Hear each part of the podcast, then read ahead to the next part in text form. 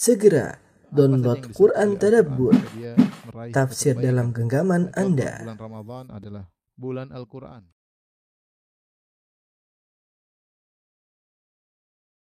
Bismillahirrahmanirrahim. Assalamualaikum warahmatullahi wabarakatuh. Alhamdulillahi ala ihsani wa syukru lahu ala taufiqihi wa amtinani. Asyhadu an la ilaha illallah wahdahu la syarika lahu ta'ziman li sya'ni wa asyhadu anna Muhammadan abduhu wa rasuluhu da'ila ridwani. Allahumma salli alaihi wa ala alihi wa ashabihi wa ikhwani. Para dokter yang dirahmati Allah Subhanahu wa taala, para guru yang dimuliakan oleh Allah Subhanahu wa taala. Kita melanjutkan bahasan kita hadis ke 39 ya. Tidak terasa tiga hadis lagi, maka kita selesai dari eh, hadis-hadis Al-Arba'in An-Nawawiyah. Hadis ke-39 ini topiknya sebagaimana telah dituliskan, diumumkan tentang kesalahan-kesalahan yang dimaafkan. Uh, Al-Imam Nawawi rahimahullah berkata an Ibni Abbasin radhiyallahu anhuma dari Ibnu Abbas radhiyallahu anhuma anna Rasulullah sallallahu alaihi wasallam qala bahwasanya Rasulullah sallallahu bersabda Inna Allah tajawaza li an ummati al khata'a wa nisyan wa mastukrihu alaihi. Sungguhnya Allah Subhanahu wa taala memaafkan aku dari uh, memaafkan untukku atas umatku yaitu Allah karena aku maka Allah memaafkan umat-umatku sebagai pemberian untukku ya. Apa yang dimaafkan atas umatku yaitu al khata kesalahan wa nisyan kelupaan wa mastukrihu alaihi dan apa yang mereka dipaksakan. Jadi tiga di sini yang dimaafkan eh, kesalahan kemudian lupa kemudian paksaan. Kemudian Imam berkata hadithun hasanun rawahu Ibnu Majah wal Baihaqi wa ghairuhuma. Hadis ini hadis yang hasan diriwayatkan oleh Ibnu Majah dan Al Baihaqi dan selain selain dari keduanya. Ini hadis uh, para ulama berselisih tentang kesahihannya. Namun kebanyakan ulul hadis mengatakan hadis ini secara sanad hadisnya dhaif, hadisnya dhaif. Tetapi di, jika ditinjau dari matannya, maka matannya telah ditunjukkan oleh ayat-ayat Al-Qur'an bahwasanya uh, kesalahan dan kelupaan diampuni oleh Allah Subhanahu wa taala, demikian juga hal yang dipaksa maka diampuni oleh Allah tidak diberi dosa oleh Allah Subhanahu wa taala. Tapi kalau dibicara tentang uh, sanad maka hadis ini dhaif. Jadi terkadang ada satu hadis yang sanadnya dhaif tapi matannya uh, benar didukung oleh nusus-nusus uh, atau dalil-dalil yang lainnya. Contohnya adalah uh, hadis ini ya. Ikhwan akhwat yang subhanahu wa ta'ala ya. Uh, hadis ini dhaifkan oleh Imam Ahmad, demikian juga oleh Muhammad bin Nasir Al-Marwazi dan para ahli hadis uh, yang lainnya. Akan tapi Imam Nawawi rahimahullah taala wallahu alam bisawab menghasankan hadis ini isyarat bahwasanya hadis ini menurut beliau dhaif tetapi ditinjau dari syawahid. Syawahid itu hadis-hadis lain yang semirip dengan makna hadis ini maka naiklah hadis ini dari dhaif menjadi hadis yang hasan. Ala kulli hal meskipun hadis ini dhaif tapi maknanya didukung oleh uh, Al-Qur'an. Saya akan sebutkan uh, apa namanya? uh, dalil-dalil yang menunjukkan akan akan hal ini. Taib. uh, hadis ini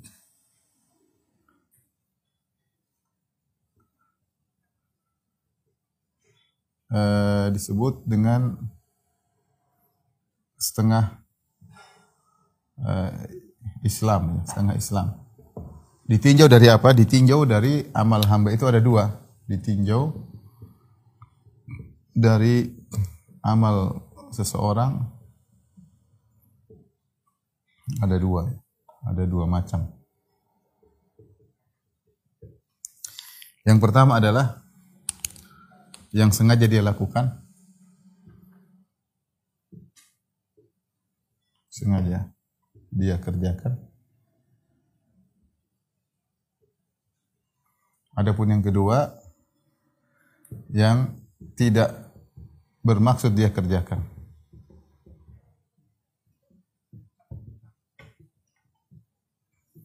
Nah, hadis yang kita bahas ini ya tadi innallaha tajawaza li an ummati al khata' wan nisyan wa mastukrihu alaihi. Sungguhnya Allah memaafkan untuk umatku demi aku karena aku Allah maafkan untuk umatku atas kesalahan dan nisyan kelupaan dan juga karena dipaksa ya. Ditinjau dari dua model dua model uh, perbuatan manusia maka dikatakan hadis ini berbicara tentang setengah perbuatannya karena setengahnya disengaja, setengahnya tidak disengaja. Nah, topik hadis kita adalah tentang ini yang tidak bermaksud untuk di, dikerjakan. Ini ada tiga model, di antaranya adalah al khata kesalahan. Kemudian an-nisyan kelupaan. Kemudian adalah mastukrihu alaih. Ma ustukrihu alaih. Yaitu yang dipaksakan. Eh, apa yang dimaksud dengan kesalahan? Kesalahan maksudnya dalam hal ini adalah eh, apa namanya? Dia melakukan sesuatu yang diperbolehkan tapi ternyata mengakibatkan hal yang tidak diperbolehkan ya. Tanpa sengaja ya. Tanpa sengaja ya. Dia melakukan sesuatu perbuatan yang menurutnya boleh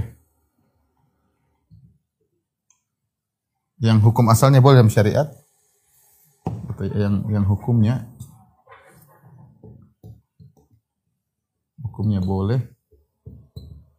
Namun ternyata salah. Contohnya bagaimana? Contohnya seperti kejadian dalam perang Uhud. Seperti contoh kejadian. Contoh para sahabat membunuh Al-Yaman. Al-Yaman ini bapaknya Hudzaifah, ayahnya Hudzaifah radhiyallahu anhu. Karena disangka disangka orang kafir. Ini kejadian waktu perang Uhud. Jadi disebutkan uh, Al-Yaman sudah tua, maka ditugaskan oleh Nabi SAW untuk menjaga di kota Madinah, menjaga anak-anak, menjaga wanita. Kemudian terjadi perang Uhud. Sebagaimana kita tahu perang Uhud, Rasulullah 700 orang melawan 3000 orang. Kemudian di awal peperangan menang, kemudian di tengah-tengahnya akhirnya terjadi kesalahan, akhirnya kalah. Ketika itu semerawut kaum muslimin, ya bingung apa yang harus mereka lakukan. Tiba-tiba Al-Yaman ini, dia ingin berjihad. Maka dia masuk belakangan. Dia masuk dalam medan pertempuran, sementara kondisi lagi carut marut ketika itu. Sehingga orang-orang menyangka Al-Yamani musuh yang datang. Mereka tidak melihat dia sebelumnya. Maka mereka menuju untuk menyerang dia. Sementara Hudzaifah dari uh, jauh berteriak, tahan, tahan, itu ayahku. Tapi orang-orang sudah kacau. Kalut tidak mendengar, akhirnya mereka menikam Al-Yaman radhiyallahu anhu. Ini kesalahan contoh. Kesalahan dilakukan melakukan sesuatu yang syar'i, membunuh orang kafir dalam peperangan. Kalau tidak kita dibunuh, ya kita membunuh. Tapi ternyata yang dibunuh salah. Ternyata dia adalah orang muslim. Ini contoh, ya. Melakukan kesalahan. Kesalahan. Baik, eh, para sahabat berdosa jawabannya tidak, karena mereka tidak tidak tahu. Ya, tidak tidak tidak, tidak sengaja. Makanya eh, di antaranya disebut dengan al-qatlu al-qatlu uh, khata, qatlul khata. Ini disebut dengan al-qatlu khata'an. Tidak sengaja. Ini terjadi Hukumnya ada sendiri. Ya. Wa may yaqtul mu'minan khata'an. Fatih raqabati mu'minatin wa diyatu musallamah. Barang siapa yang bunuh seorang mukmin tanpa sengaja. Contoh misalnya dia menembak eh, apa namanya? buruan. Dia sudah keker buruan, dia tembak ternyata buruannya lepas, di belakangnya ada orang. Akhirnya dia tidak sengaja dia bunuh. Ini namanya membunuh tidak sengaja seperti qatl khata seperti naik mobil. Dia sengaja dia nggak lihat, dia nggak dia tidak bermaksud. Jadi tidak ada maksud untuk membunuh. Dia tidak maksud membunuh. Contoh kesalahan ya. Dia nabrak, dia tidak sengaja. Dia nabrak terus akhirnya meninggal meninggal dunia ya. Tanpa ya, apanya dia tidak sengaja ya. Ini namanya uh, kesalahan di antaranya melakukan sesuatu yang dia artinya asalnya dia boleh jalan lewat situ tapi dia tidak tahu ternyata ada orang sehingga dia nabrak. Jalan di jalan boleh. Tapi tidak tahu ternyata ada orang yang yang lewat. Seperti pernah kejadian saya pernah hadapi ada seorang subhanallah eh, kena musibah dia dia dia jemput temannya uh, untuk ikut pengajian waktu itu. Terus dia mau jemput temannya mau naik bareng-bareng. Terus dia parkir mundur tahu-tahu anak temannya keluar nggak kelihatan rupanya masih kecil dia keluar dari pagar akhirnya kegilas. Subhanallah kejadian saya apa namanya waktu itu ya. Qadarullah hanya meninggal dunia. Contoh membunuh tidak tidak sehingga namanya khata. Apakah dia berdosa? Tidak, dia tidak berdosa. Tetapi apakah dia harus membayar dia itu urusan lain. Tapi secara dosa dia tidak berdosa. Tapi apakah ada kafarat, ada denda yang dibayar itu pembahasan lain. Yang dibahas oleh hadis ini adalah tidak berdosanya, tidak berdosanya. Contoh ya. Contoh lagi, e, misalnya e, para sahabat, ya. sahabat buka puasa, menyangka matahari sudah tenggelam.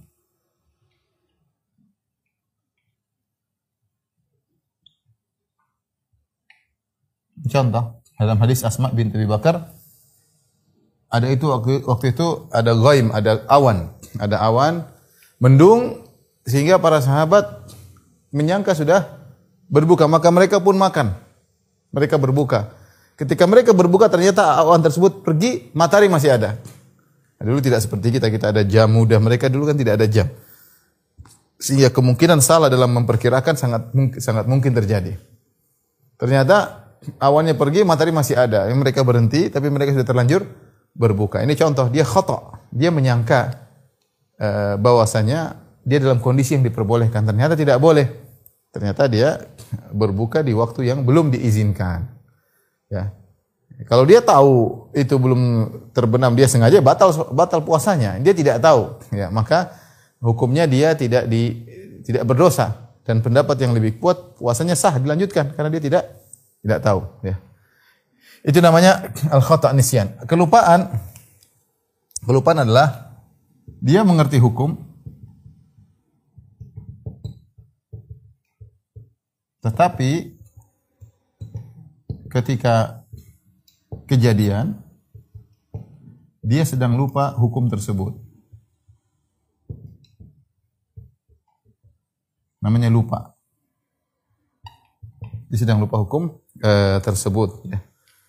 Uh, contoh, contoh,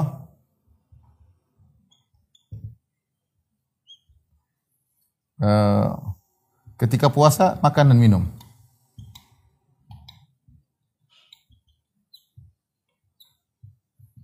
Dengan minum karena lupa. Ini datang dalam hadis.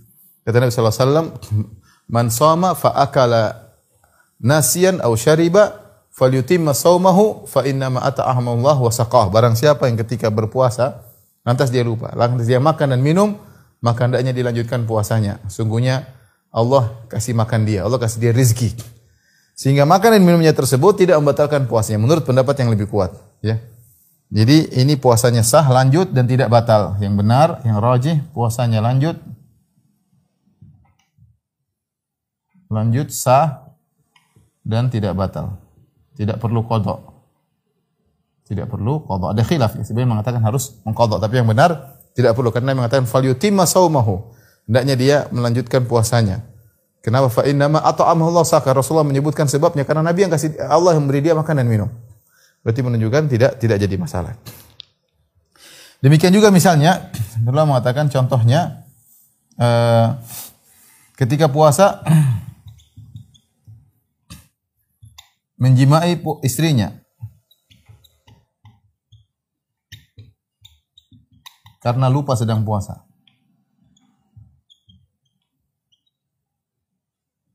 Maka ini juga yang benar kalau dia benar-benar lupa, maka hukumnya sama. Ada khilaf dengan para ulama yang mengatakan uh, tetap dia tidak berdosa tapi harus mengkodok.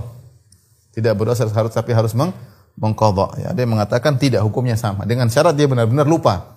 Bukan pura-pura lupa ya. Dia lagi puasa kemudian dia benar-benar lupa. Tapi kalau puasa Ramadan mungkin sulit terjadi. Tapi kalau puasa sunnah mungkin terjadi. Kalau puasa Ramadan orang lagi puasa masa dia lupa. Kalau dia lupa istrinya pasti nggak lupa lah. Tapi kalau istrinya pura-pura lupa lain cerita ya. Tapi kalau puasa sunnah mungkin terjadi. Biasa puasa Senin Kemis dia lupa. Dia pulang dia jima istrinya. Diberi kata Allah saya sedang puasa. Dilanjutkan puasa jawabannya iya. Kenapa? Karena dia melakukannya karena karena lupa. Ya, karena lupa. Contoh juga ini juga sama. Eh, lanjut. Sah. Tidak perlu kodok. Yang ketiga contohnya adalah misalnya lupa sholat. Dalam hadis kata Nabi SAW, Man nama an sholatin au nasiyaha falyusalliha idza dzakaraha. Barang siapa yang eh, tidur ketiduran dari sholat atau lupa sholat, falyusalliha idza dzakaraha. Maka hendaknya dia sholat ketika dia ingat. Adapun dia lupa sholat, dia tidak berdosa.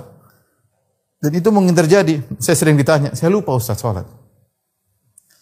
Terutama orang misalnya ada sebagian orang yang biasa sholat di masjid, misalnya. Suatu saat dia lagi perjalanan tidak sempat sholat di masjid. Dia lupa sholat isya. Dia lupa sholat isya. Dia ingatnya mungkin menjelang subuh atau dia ingatnya besok. Ya Allah kemarin saya nggak sholat isya. Allah bikin dia ingat setelah besok-besoknya. Apa yang dilakukan? Dia sholat ketika itu. Langsung dia sholat mengkodok isya. Yang dia lupakan tiga hari atau empat hari yang lalu. Tidak jadi masalah. Ya, karena dia lupa. Karena dia lupa. Kalau lupa sholat maka harus dikodok. Ya. Tidak dosa. Tapi harus dikodok. Ini uh, apa namanya? Uh, lupa ya. Uh, kesalahan al khata juga misalnya al khata saya lupa tadi kesalahan seperti apa? Salat salah kiblat.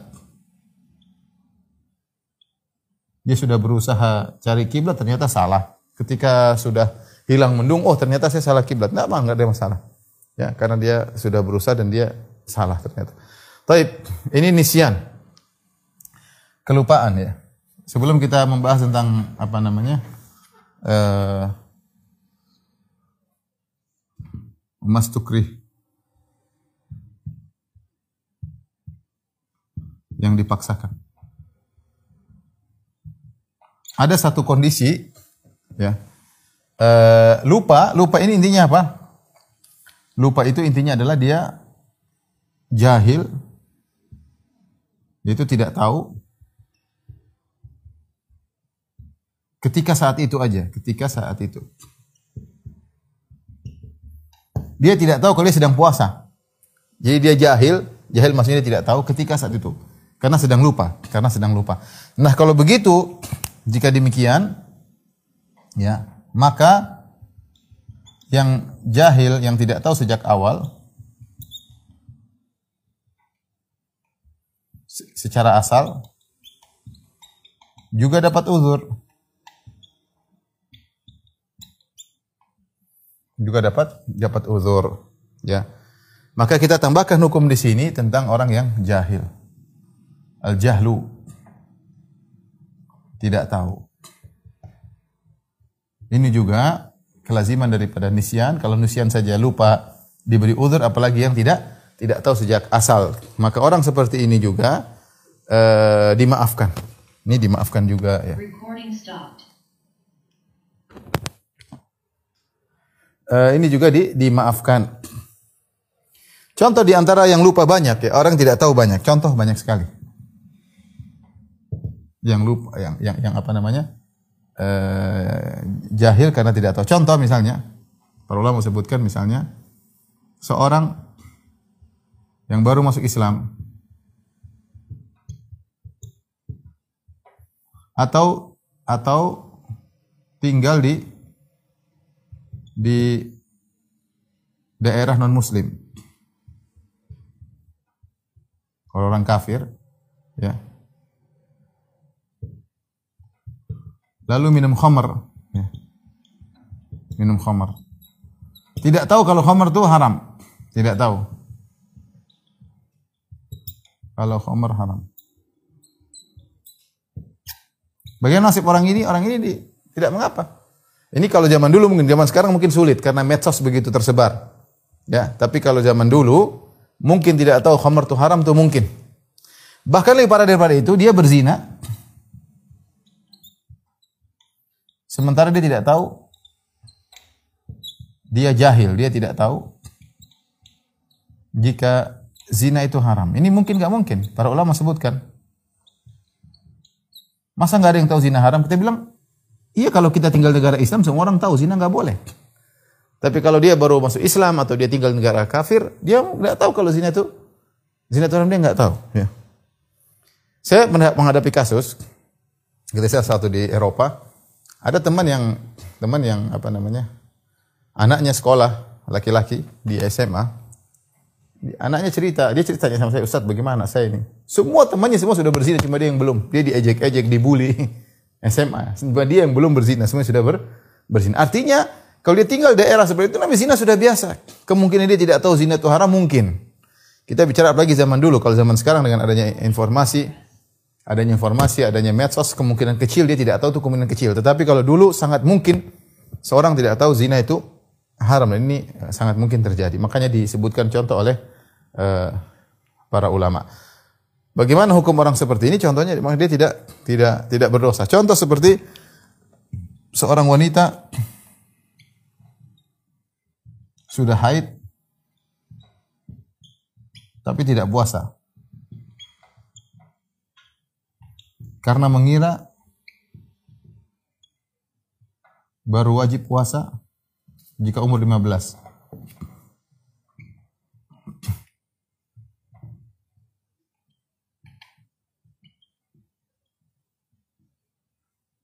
Lima belas tahun. Ini semua adalah kejahilan.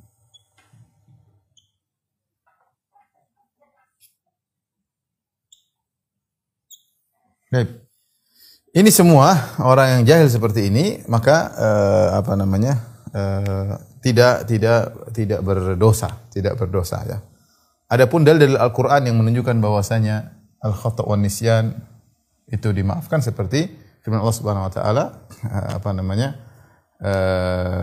Allah Subhanahu wa taala menyampaikan doa dari kaum mukminin Rabbana la tu'akhidna in nasina aw akhtana. Mereka berdoa ya Allah dalam surat Al-Baqarah ya ayat 286 Rabbana la tu'akhidna in nasina aw akhtana. Ya Rabb kami janganlah kau hukum kami in nasina kalau kami lupa aw akhtana atau kalau kami salah. Salah di sini tadi. Tidak sengaja, tidak sengaja maksudnya. Khata ini maksudnya tidak uh, tidak sengaja. Jadi kemudian uh, dalam hadis Allah berkata qad fa'altu aku aku kabulkan. Aku kabulkan permohonan kalian. Demikian dalam dalam Al-Qur'an Allah mengatakan laisa alaikum junahun fima akhta'tum bihi walakin ma ta'ammadat qulubukum. Bukanlah tidak mengapa bagi kalian ya yang merupakan kesalahan kalian tidak mengapa kalau kalian tidak sengaja tapi yang salah adalah ma ta'ammadat qulubukum kalau kalian sengaja itu baru dosa. Kalau tidak sengaja tidak berdosa kata Allah Subhanahu wa taala. Jadi kita sebut tadi hadisnya dhaif tapi maknanya benar karena didukung oleh ayat-ayat Al-Qur'an ya. Al-jahal kita bawakan, kita tambahkan jadi ada al-khata' ada nisyan, ada al-jahal. Nah, tapi ingat perhatikan uh, jika seorang peringatan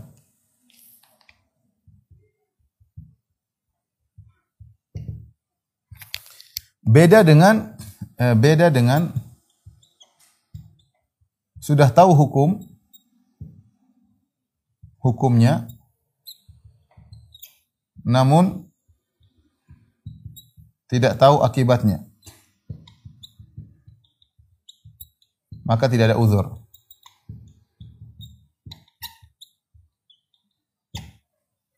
Contoh, contoh sederhana, contoh. Seorang sengaja membunuh orang lain. Dan dia tahu itu hukumnya haram.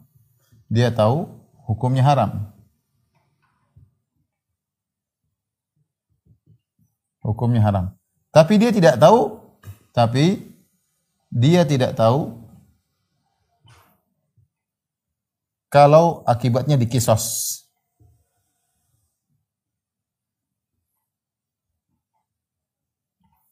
Ada seorang bunuh orang lain, bunuh orang lain. Setelah dia bunuh ditangkap. Dikatakan kamu hukumannya adalah dikisos. Dia bilang saya nggak tahu kalau saya bakalan dikisos. Tapi kamu tahu bahwasanya membunuh haram. Saya tahu, tapi saya nggak tahu kalau saya bakalan dikisos. Apakah dikasih uzur? Jawabannya tidak. Tidak ada uzur bagi dia. Tetap dia dikisos dibunuh juga. Nah, nafsu bin nafsin. nafsu bin nafsi. Jiwa dibunuh dengan jiwa. Ya. Ya. Kutiba alaikumul kisasu. Ya. Kutiba alaikumul kisasu fil qatla. Diwajibkan sekalian untuk kisos pada orang-orang yang terbunuh. Seandainya suatu negara menerapkan hukum kisos, maka ini tentu orang tidak ada yang berani membunuh. Sekarang orang bunuh dengan mudah, bunuh, tembak, racun, apa segala. Dia kalau punya duit, dia mungkin tidak dibunuh. santai aja ya. Ya. Tapi kalau membunuh dibunuh, orang akan berpikir seribu kali untuk membunuh. Karena dia tahu kalau dia membunuh dia akan dibunuh. Siapa suka dibunuh? Ya. Makanya kata Allah, "Walakum fil qisasi hayatun ya ulil albab." Sungguh pada praktek kisos ada kehidupan wahai orang yang cerdas. Kalau orang cerdas menerapkan hukum kisos, keadilan yang super keadilan dari Allah Subhanahu wa taala. Saya yang bunuh, dia dibunuh. Selesai. Siapa yang berani bunuh-bunuhan kalau begitu?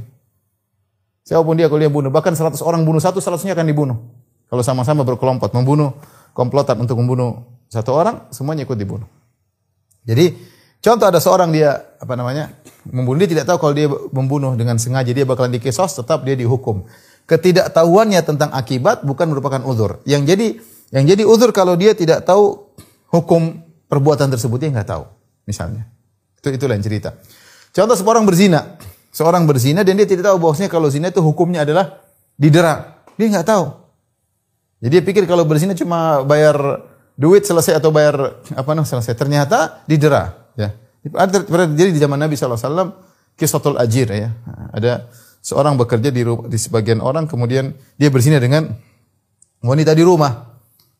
Akhirnya dia dituntut, dia bayar apa, bayar apa. Dilapor kepada Nabi SAW. Dia tidak tahu, ternyata dia cuma didera. Tidak perlu bayar-bayar tersebut. Tapi apakah hukumnya uh, gugur? Tidak, karena dia tahu zina itu haram. Cuma dia tidak tahu akibatnya. Maka tetap di, uh, dihukum ya. Sama seorang minum khamar, dia tahu hukum khamar haram. Tapi dia minum, ternyata didera. Dia nggak tahu kalau hukum Islam, orang khamar itu di, uh, didera ya. Sama seorang berzina tahu hukum zina haram, dia tidak tahu ternyata di akhirat orang zina bakal disiksa. Dia nggak tahu. Dia pikir di zina dosa kecil, tapi kamu tahu haram nggak? Haram. Kenapa melakukan? Tidak ada uzur bagimu. Lain halnya kalau orang tidak tahu zina haram, dia nggak tahu. Itu lain cerita. Tidak tahu maka Allah tidak akan beri hukuman karena dia tidak tidak tahu.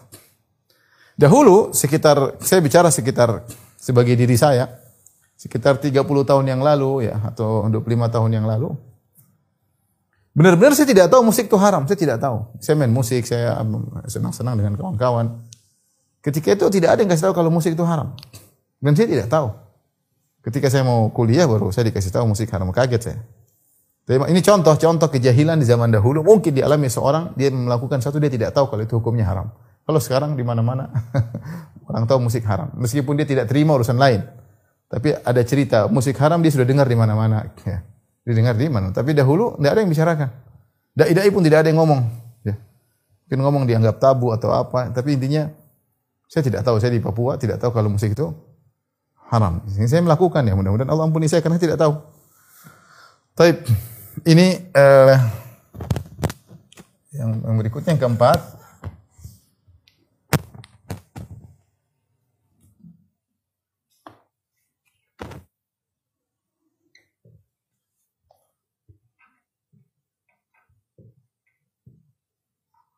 yang dipaksakan.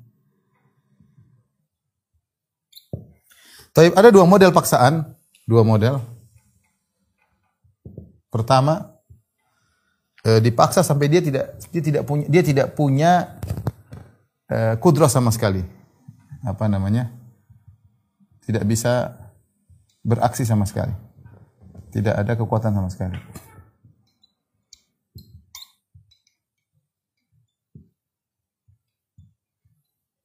Sehingga dia seperti alat.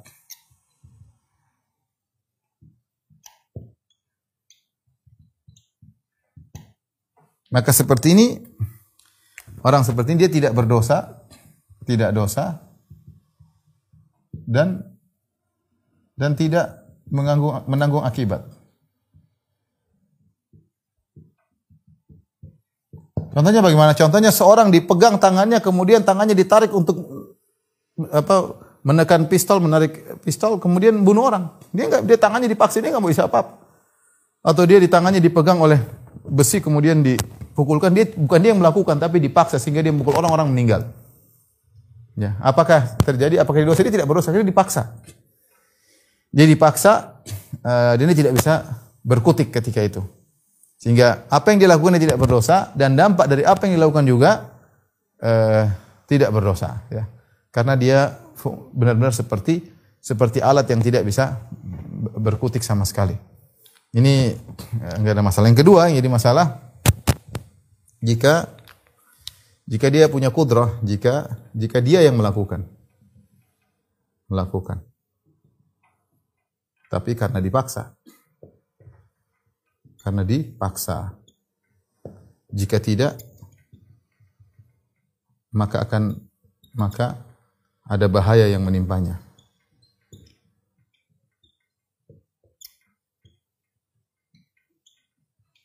Taib. Ada dua perbuatan,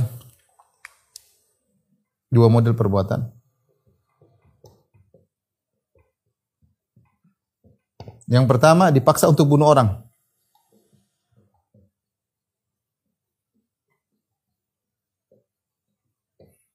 Contoh, dia ditaruh pedang di belakang lehernya. Kau bunuh orang, kalau enggak kita bunuh kamu. Jadi dia bunuh orang, itu depannya suruh bunuh. Kalau dikasih pistol, kau bunuh orang tersebut. Kalau enggak, kau akan kami bunuh. Dalam kondisi seperti ini, para ulama sepakat dia enggak boleh bunuh orang. Nyawa dia tidak lebih bernilai daripada nyawa orang. Dalam hal ini dia, dia harus mati. Dia tidak boleh bunuh bunuh orang. Jadi meskipun dia dipaksa, kalau kau nggak bunuh kau yang mati. Kalau kau nggak bunuh keluargamu kami bunuh. Nggak boleh. Nggak boleh. Tidak ada nyawa nyawa keluarga lebih baik pada nyawa orang nggak ada. Ya, nggak ada. Dan tidak boleh dia bunuh bunuh orang lain. Ini hukumnya haram. Haram. Maka ketika kalau dia bunuh orang, maka menurut pendapat yang kuat dia juga dikisos, orang yang masak juga dikisos. Dulunya dikisos. Dua-duanya di, di kisos. Ya. Karena nyawa dia tidak lebih berharga daripada nyawa orang lain. Tapi yang kedua, dipaksa selain yang pertama.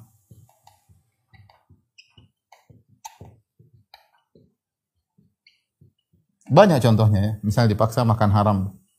Dipaksa makan haram. Kalau nggak dipukul misalnya. Dipaksa minum khamar.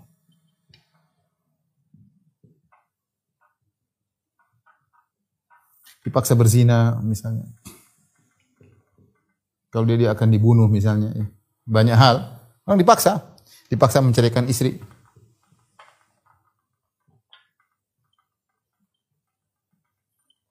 Kalau enggak hartamu akan kami begini-begini kan. Kalau enggak kami akan siksa kamu. Kalau enggak, kalau enggak, kalau enggak dia paksa istri. Ini contoh dipaksa. Uh, demikian juga di antaranya dipaksa untuk kafir. Kalau enggak dibunuh. Untuk mengucapkan kekufuran.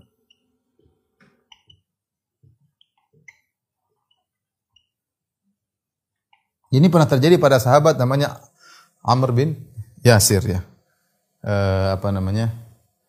Uh, apa namanya? Man kafara billahi uh, ba'da imanihi illa man ukriha wa qalbuhu mutmainnun bil iman. Ya, kata Allah, illa man ukriha wa qalbuhu mutmainnun bil iman walakin man syaraha bil kufri sadran fa alaihim ghadabun min Allah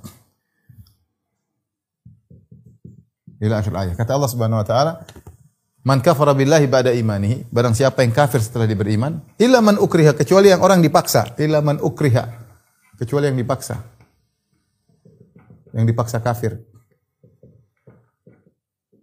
Wa qalbu mutmainnun bil iman sementara hatinya tenang dengan keimanan. Walakin man syahra bil kufr. Adapun yang kafir itu adalah orang yang memang dia terima iman dengan dengan kelapangan dadanya. Adapun dipaksa maka dia tidak kafir. Ini kisah Ammar bin Yasir. Ammar bin Yasir ayahnya Yasir dibunuh oleh Abu Jahal. Kemudian ibunya Sumayyah juga dibunuh. Abu Jahal mengambil tombak kemudian menusukkan tombak di kemaluan ibunya. Dan dialah Eh, apa namanya orang yang wanita yang mati syahid yang pertama. Wanita yang mati syahid pertama adalah Sumayyah, istrinya Ammar bin Yasir. Eh, istrinya Yasir, istrinya Yasir, ibunya Ammar bin Yasir.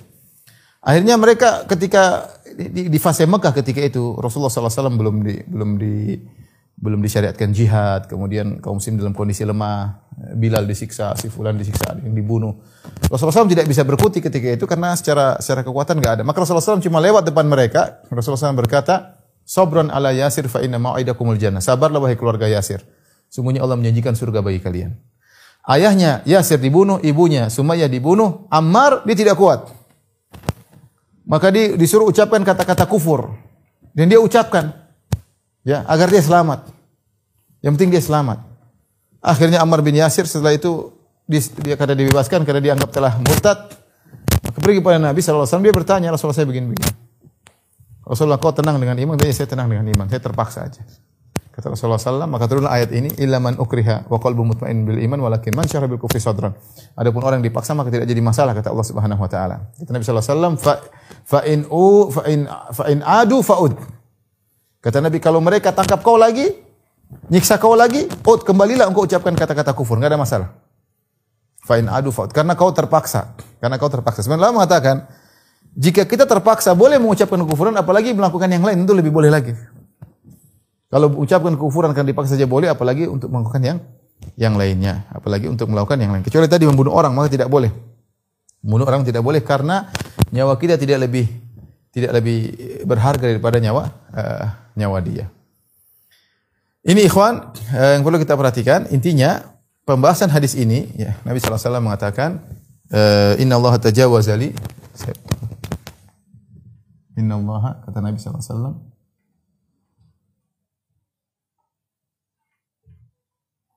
Inna Allah tajawaza li eh, an ummati al khata wa nisyan wa mastukrihu alaih.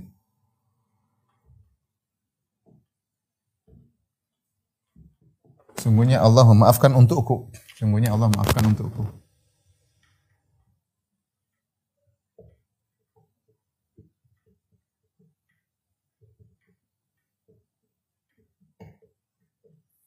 atas umatku, an ummati atas umatku.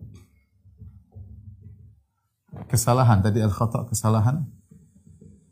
Sudah kita bahas tadi, nisyan, kelupaan. Kemudian paksaan. Sekali lagi, ini hadis membahas tentang apa? Tentang raf'ul ism. Tentang raf'ul ism, yaitu tidak berdosa. Diangkatnya dosa diangkatnya dosa jika melakukan hal di atas ya karena di atas karena lupa karena uh, kesalahan karena dipaksa adapun masalah uh, bayar adapun masalah ya adapun masalah denda denda atau mengulangi ibadah ya ibadah maka itu urusan lain maka butuh dalil lain dalil lain. Ya. Uh, contoh misal tadi seorang seorang uh, tidak tahu kalau ternyata dia sholat dia junub. Jadi begini, seorang uh, pagi-pagi dia berhubungan sama istrinya, junub. Nah, junub kan terus hari Jumat. Dia harus sholat Jumat. Kemudian dia lupa, dia tidak langsung mandi junub, dia main-main ke sana, pergi ke pasar, dan itu boleh, nggak ada masalah. Kemudian ketika sampai di pas mau sholat Jumat, dia mandi. Dia mandi tapi dia niatnya bukan mandi junub, dia niatnya mandi bersih. Padahal kalau mandi junub harus niat, niat untuk menghilangkan hadas. Dia lupa kalau dia junub. Kemudian dia sholat Jumat. Ketika rakaat kedua dia baru ingat, ya Allah saya belum mandi junub. Atau setelah sholat Jumat dia baru ingat, ya Allah saya belum mandi junub. Tapi apa yang dilakukan? Dia tidak dia berdosa, tidak berdosa. Kalau dia sengaja sholat dalam kondisi junub dosa besar, nggak tahu bisa kufur.